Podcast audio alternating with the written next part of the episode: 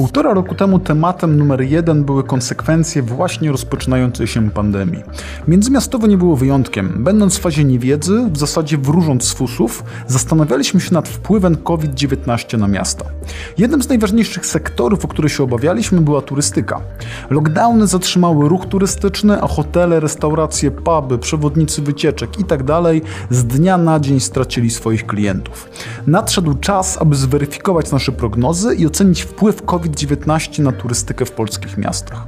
Ja nazywam się Karol Wałachowski, w dzisiejszym Międzymiastowo porozmawiam z Markiem Grochowiczem, doktorantem w Instytucie Geografii i Gospodarki Przestrzennej Uniwersytetu Jagiellońskiego, który w ostatnich miesiącach analizował wpływ pandemii na Kraków. Międzymiastowo. Podcast miejski Kluby Jagiellońskiego. Drogi Marku, jaki był faktyczny wpływ pandemii na ruch turystyczny? Czy mieliśmy do czynienia z prognozowanym załamaniem sektora? Jak w ogóle pandemia wpłynęła na turystykę? E, witam. Na pewno ta, ta, ten wpływ był bardzo zróżnicowany. Taki Kraków, który ma najwięcej, zdecydowanie miał przed pandemią turystów zagranicznych i polskich, najbardziej ucierpiał w trakcie pandemii. Na przykład miasta takie jak Gdańsk, czy inne nad, nad, nad, nad oceanem, nad morzem, czy jakieś blisko terenów zielonych, miało tą stratę dużo mniejszą, bo jednak ludzie w pandemii chcieli gdzieś uciekać, chcieli pójść tam, gdzie nie ma dużo mieszkań, nie ma dużo ludzi, więc takie miejsca wygrywały po prostu. A Kraków, który jednak jest po prostu miastem e, historycznym, miał te straty dużo większe. Więc tutaj na pewno to jest jedna z większych, myślę, e, różnic i strat, ale co więcej, no, sektor turystyczny stracił bardzo dużo, bo przez zwłaszcza okres zeszłej wiosny, ale również całej okresu jesienno-zimowo-wiosennego w tym roku, no, nie, było praktycznie w ogóle turystów. Byli jedynie lokalni z innych miejscowości, więc te straty dla hotelarstwa, gastronomii czy handlu były bardzo duże. Oczywiście znowu zależnie od sektora. Mm, tutaj na pewno jeszcze warto dodać e, to, jak e, różny sposób ci różni przedsiębiorcy sobie radzili, przez co niektórzy potrafili wyjść z tego kryzysu tak naprawdę, może nie na plus, ale potrafili sobie poradzić, a niektórzy praktycznie parę miesięcy później już ogłosili upadłość, bo nie widzieli szansy w tym nowym, nowej rzeczywistości na funkcjonowanie tak, jak było wcześniej. Mhm. No, każdy kryzys jest dobrym momentem na to, aby trochę zmienić swoją strategię funkcjonowania e, i pewnie też dużo przedsiębiorców zaczęło właśnie dużo bardziej pozycjonować swoje działania na właśnie tych turystów krajowych, e, a nie zagranicznych. E, ja właśnie obserwując tak, to jest też uwaga taka e, tylko i wyłącznie z moich obserwacji codziennych, to zauważyłem, że w Krakowie te miejsca, które były nastawione stricte pod turystów zagranicznych, to znaczy cechowały się niską jakością zwykle, wysokimi cenami i to były takie biznesy w stylu tak, tylko raz ktoś w życiu przyjedzie do Krakowa, to możemy go trochę tutaj obciąć na pieniądze. Tych miejsc już nie ma. Zostały te miejsca, które były właśnie bronione przez mieszkańców, gdzie tam mieszkańcy w tych najgorszych momentach zamawiali na wynos i tak dalej, i tak dalej. Jak wedle Twoich e, badań, Twojej wiedzy, e, jak się zmieniła w ogóle ta struktura turystyki? Czy możemy zaobserwować jakieś generalne zmiany? Czy na pewno to, co powiedziałeś, ta różnica lokal... E, usług, które były nastawione na lokalnych klientów, a tych, które była właśnie na tych odbiorców zagranicznych na przykład, pokazuje, jak bardzo różny model funkcjonowania tych miejsc był wcześniej i jak w dobie COVID-u zostało to zweryfikowane.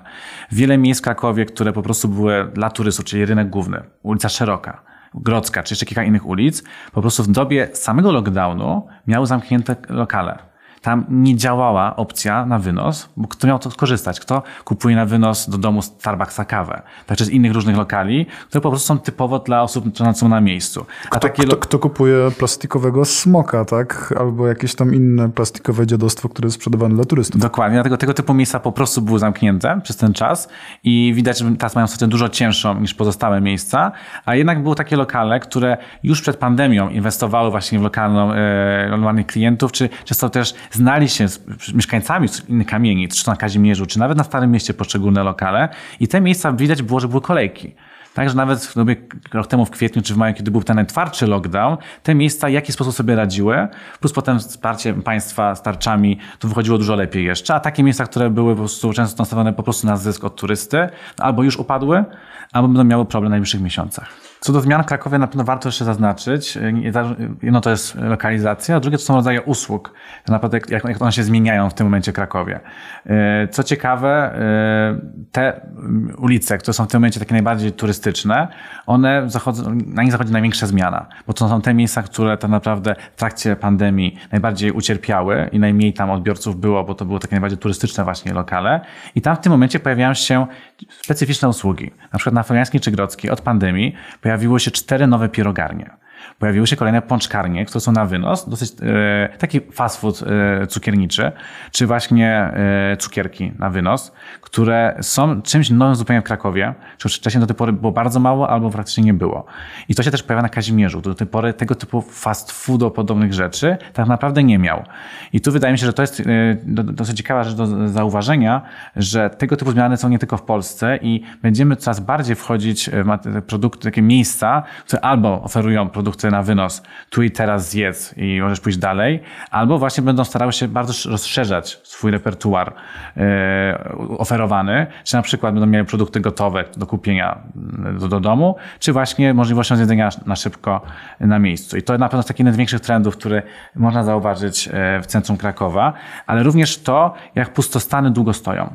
W tym momencie mamy na wielu ulicach pustostany, to są już co najmniej dwa lata, co nie miało miejsca wcześniej. W tym momencie, według moich badań w strefie UNESCO na Kazimierzu na Starym Mieście mamy 130 pustych lokali, z czego z tych 130, które są związane z gastronomią, e, ponad 100 to są skutkiem pandemii. Tu mamy ulicę Stolarską, która miarę płynnie zmienia, e, tam dochodzą nowe knajpy, czy Tomasza, ale to jest coś, co tak naprawdę dowiemy się za parę miesięcy, w którym to kierunku idzie. Jednakże widać, że gastronomia, mimo to, że wydawałoby się, że cierpiała bardzo w tej pandemii, pojawiają się nowe lokale, pojawia się coraz więcej nowych miejsc, które y, są wcale nie takie turystyczne. Jakby to, co powiedziałem na początku, czyli y, to, jak bardzo y, lokalci zauważyli potrzebę wspierania miejsc, to pokazało przedsiębiorcom, że muszą w tym kierunku iść. Nie ma nowych sieciówek, takich jak Starbucks, na razie Coffee Shop czy inne takie miejsca, tylko właśnie e, pojawiają się takie lokalne, właścicieli lokalnych krakowskich e, lokale, czy to drugi, trzeci lokal dopiero w Krakowie, które mają na celu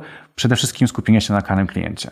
Więc tu pytanie będzie na parę miesięcy znowu, jak ta naprawdę ta kolejna fala, która przed nami chyba jeszcze jest i jak wtedy te zmiany, myślę, takie już finalne e, się ugruntują i wtedy będziemy mogli powiedzieć, czy te zmiany idą w kierunku miasta bardziej pro mieszkań, dla, dla mieszkańców, czy mimo wszystko miasta dalej turystycznego. To może porozmawiajmy o tym, jak władze publiczne poradziły sobie z tym kryzysem z punktu widzenia tutaj turystyki, o której rozmawiamy, to możemy rozpocząć w sumie od poziomu centralnego. Czy poziom centralny zdał egzamin z tych działań antykryzysowych? Zdecydowanie tutaj y, pierwszym problemem, który był ze strony władz centralnych, to czas trwania do pierwszej tarczy i to zarzucało się akurat rządowi, że to trwało najdłużej prawie w Europie, co zmienia faktu, że jak się to pojawiło już, to bardzo dużo przedsiębiorstw gastronomicznych, hotelarskich korzystało z tego i dzięki temu one dalej z nami są.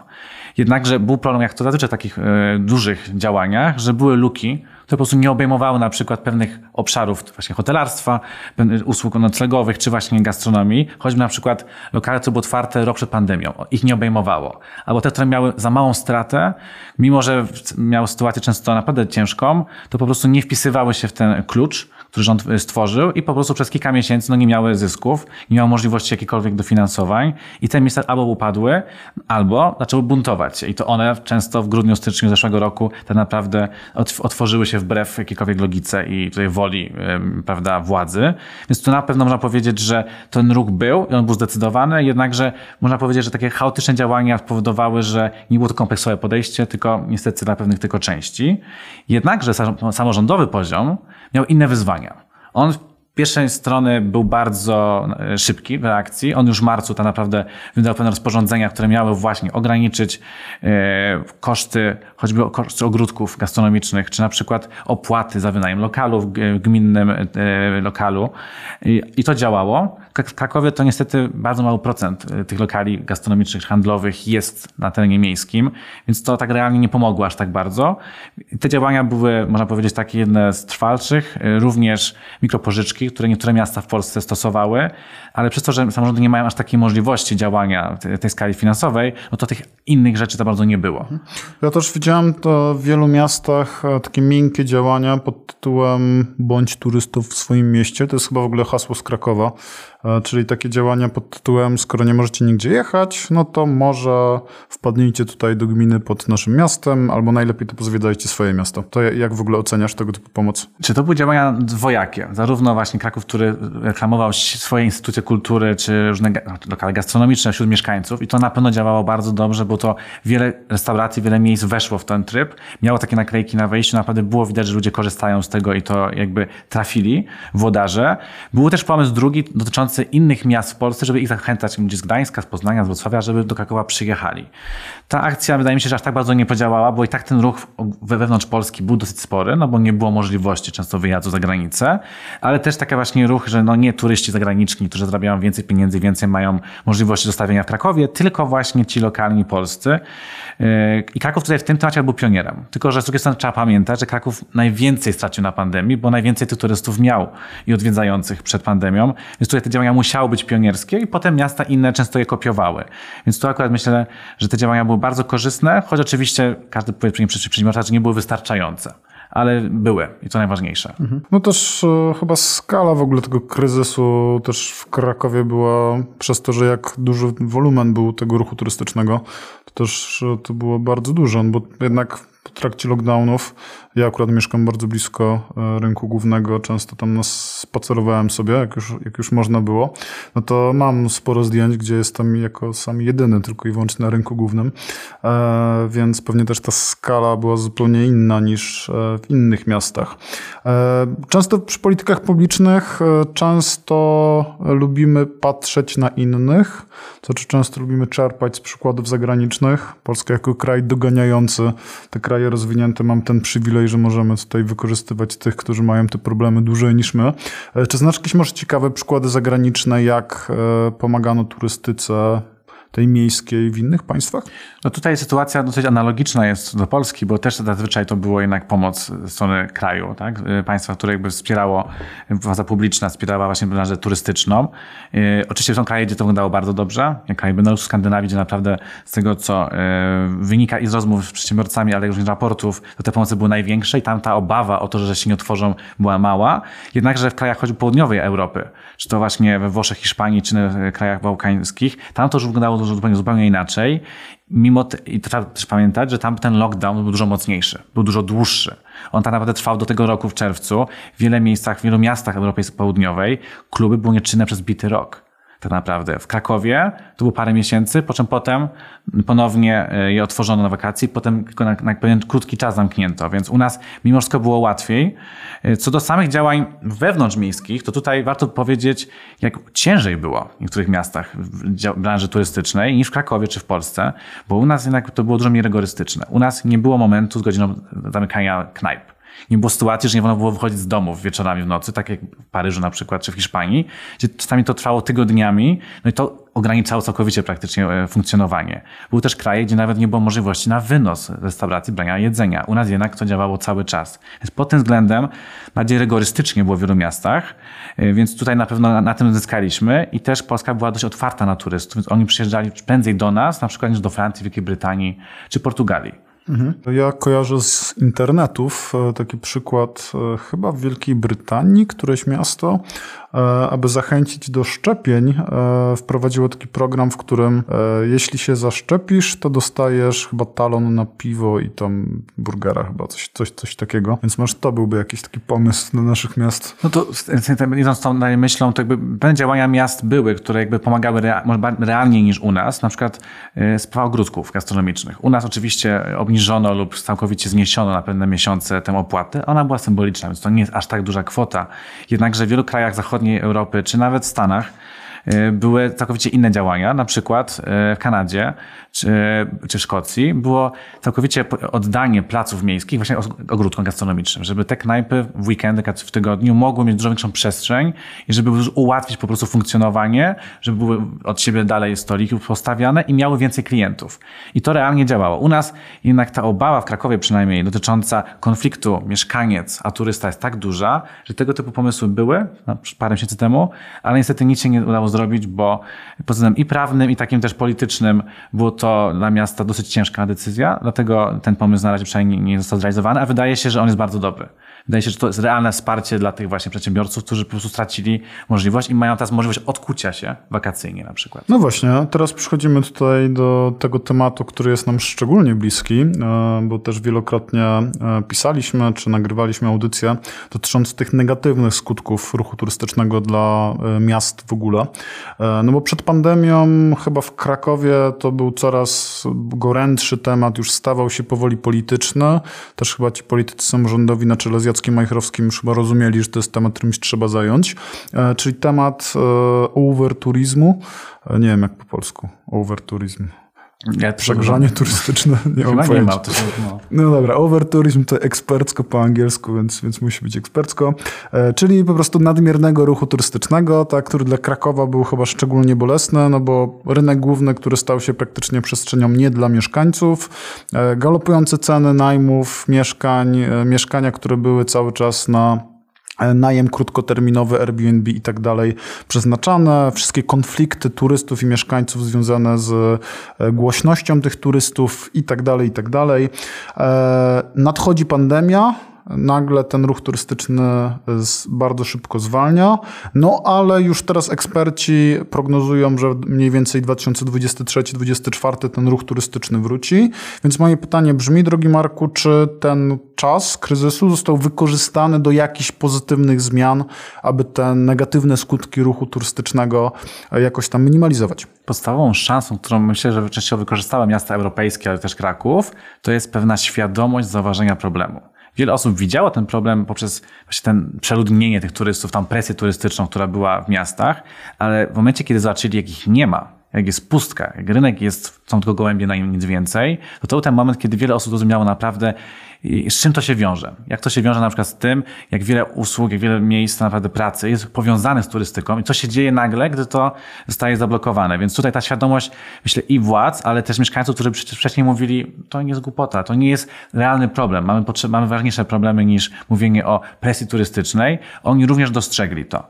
E, co więcej, pewne miasta, e, przez to, że tuż przed pandemią, właśnie ten, ten pik, ten, taki szczyt e, problemów turystycznych w Europie, mieli pewne plany, które chcieli realizować. I wiele z tych miast realizowało nadal, mimo no jednak sytuacji zupełnie innej. Tutaj można powiedzieć zarówno o miastach europejskich czy Krakowie, gdzie choćby regulacja ogródków, godzin otwarcia, czy właśnie zmniejszanie ogródków, żeby nie przeszkadzały tak bardzo mieszkańcom, one w Krakowie nie były zrealizowane przed pandemią, a wprowadzono je tak naprawdę w pandemii. Co pewne kontrowersje wzbudziło. E, czy to jest skuteczny, słuszny jakby kierunek, czy nie, to jakby odpowie nam pewnie przyszłość, bo ten konflikt pewnie wróci, jak powiedziałeś. To pewnie za 2-3 lata ponownie będziemy mieli sytuację podobną może jak jeszcze rok temu, choć już w tym momencie, mimo braku turystów z zagranicy, to naprawdę ten konflikt mieszkaniec, a turysta w nocy, on nadal istnieje. Nadal nawet mieszkańcy innych miast polskich, przynajmniej do Krakowa, nawet na jeden czy dwie noce, to są w stanie zrobić taki hałas, tak zaniczyć ten, to miasto, że ten problem jest porównywalny. Więc wydaje się, że tutaj akurat prowadzenie ciszy nocnej, można powiedzieć, dla ogródków gastronomicznych w Krakowie, który wchodzi po kroku, krok po kroku w Krakowie od kilku miesięcy, ma jakieś y, sensowne tutaj wytłumaczenie. Y, no, natomiast jeszcze y, pewne działania były dotyczące choćby alkoholowych sklepów, czy innych właśnie branży, które starali się jakoś ucywilizować włodarze miast, żeby też aż tak bardzo nie wpływały na życie mieszkańców. Tutaj Krakowi się nie udało za bardzo i te działania zostały tylko częściowo zrealizowane przez miasto, ale na pewno pewne znowu zrozumienie problemu przedsiębiorców i włodarzy jest na tyle duże, że liczę na to przynajmniej ja, że to będzie parę miesięcy do przodu, mam nadzieję, przy, przyszły sezon, tymczasem, kiedy zrozumiemy zrobimy jeszcze więcej. Mhm. No jak przypominałem sobie ten nasz podcast właśnie z początku pandemii, jak tam rozmawialiśmy, jak tam wpłynie na Kraków i tak dalej, no to tam padła taka teza, która chyba dzisiaj też jest aktualna, to znaczy, że skoro mieliśmy pandemię, gdzie potrzebna była duża pomoc publiczna dla, te, dla tego sektora turystycznego, to był idealny moment na to, aby wprowadzać jakieś ograniczenia, e, aby powiedzieć im, ok, jakby my wam dzisiaj pomożemy, przejdziecie z nami ten trudny moment i tak dalej, przetrwacie, ale nasz warunek jest taki, że ucywilizujecie się na przyszłość. Nie? Czyli e, tam jeden z naszych postulatów, czyli to, aby właśnie ucywilizować Airbnb, no to zakładam, że te wszystkie firmy, które brały pewnie tarcze, e, to będą działać, działają pewnie w ten sam sposób, który działy, działały wcześniej, wzięły tarcze e, i pewnie po pandemii będą działać w ten sam sposób, więc ta szansa chyba została zmarnowana. Tu jest problem też taki, że pewne problemy, które mamy w Krakowie, związane z presją turystyczną, one są przede wszystkim u nas. I osoby w Warszawie ich nie rozumieją.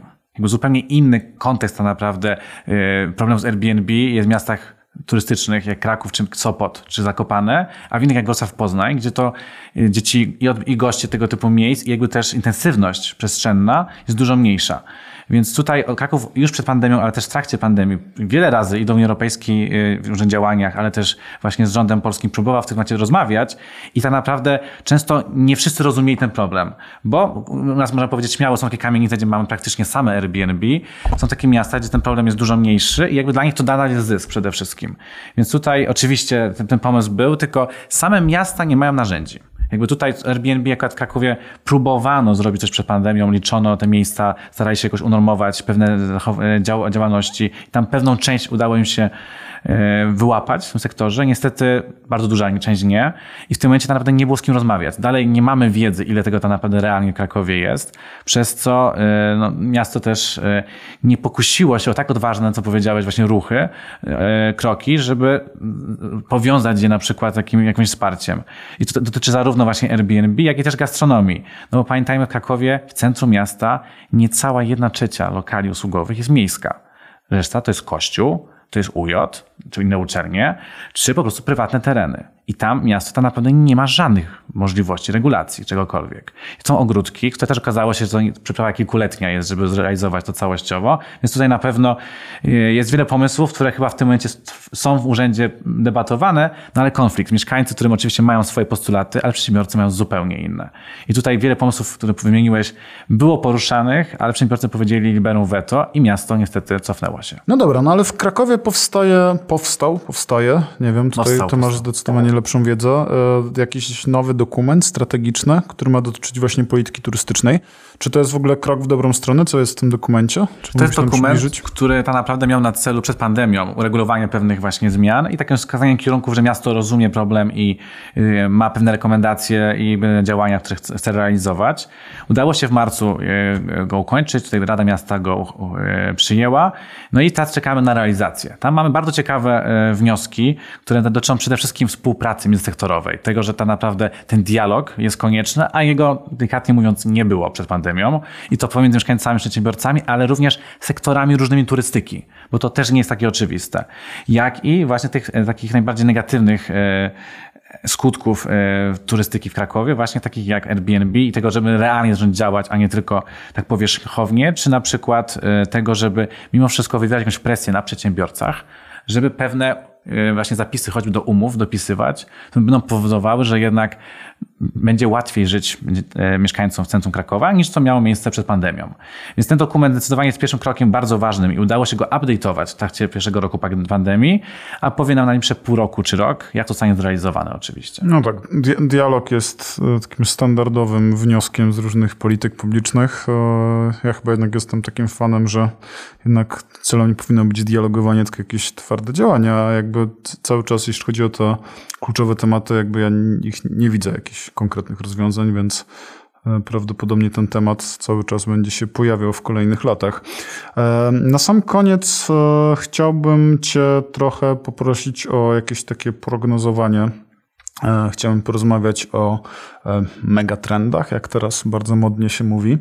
E, to znaczy, bardzo wiele osób prognozowało, że pandemia silnie wpłynie w ogóle na cały globalny ruch turystyczny. Takimi głównymi megatrendami, które prognozowano, było na przykład to, że jak będziemy podróżować, to będziemy podróżować zdecydowanie bliżej. Czyli to była na przykład duża szansa dla jakiejś takiej turystyki opartej na naturze, czy jakiejś takiej turystyki wiejskiej, to znaczy jak będziemy jeździć, to raczej z Krakowa gdzieś tam na weekend, weekend albo do jakiejś tam małej miejscowości na wieś, a nie już właśnie na city break do tam innego dużego miasta. Kolejnym takim trendem, który miał występować, to jest to, że w ogóle przez różne tam restrykcje to nie będziemy daleko podróżować, tylko raczej będziemy, jeśli będziemy podróżować za granicę, to raczej będą to dystanse samochodowe, aniżeli samolotowe. Do tego oczywiście nakładają się tam wszystkie te regulacje tam ruchu lotniczego, prawdopodobnie to latanie będzie zdecydowanie droższe i tak dalej, i tak dalej. Więc jak już po tych półtorej roku, e, jak widzisz, e, czy w, tych, w tą stronę idzie w ogóle turystyka, czy po prostu mieliśmy kolejny kryzys e, i po tym kryzysie, kryzysie nic się nie zmieni? Na pewno zmieni się to, że wiele osób odkryło swój, swoją okolicę, swój kraj. No w tym momencie w Europie przeważa jednak podróżowanie po swoich krajach. Ten ruch międzynarodowy istnieje. Tu powiedziałbym, że przede wszystkim Polacy są pionierami, bo wszystkie statystyki pokazują, że to Polacy najwięcej jeżdżą w tym momencie po świecie. Choćby z takiej statystyki, czemu się szczepisz? Połowa Europy mówi, ponieważ to będzie bezpieczny, bo rodzina, a w Polsce wygrywa argument, bo chce podróżować. Więc to myślę pokazuje pewną tutaj skłonność nas, mimo wszystko Polaków, do większego jeżdżenia. I to ciekawe, jak się jedzie do Włoch czy Hiszpanii w tym momencie, samoloty są przede wszystkim z Polakami. Nie jak do tej pory było pół na pół, tylko naprawdę ci Polacy jeżdżą. Jednakże to są pewne grupy, często osób z miast przede wszystkim, którzy w jakiś sposób są albo mają większe możliwości finansowe, albo są odważniejsi.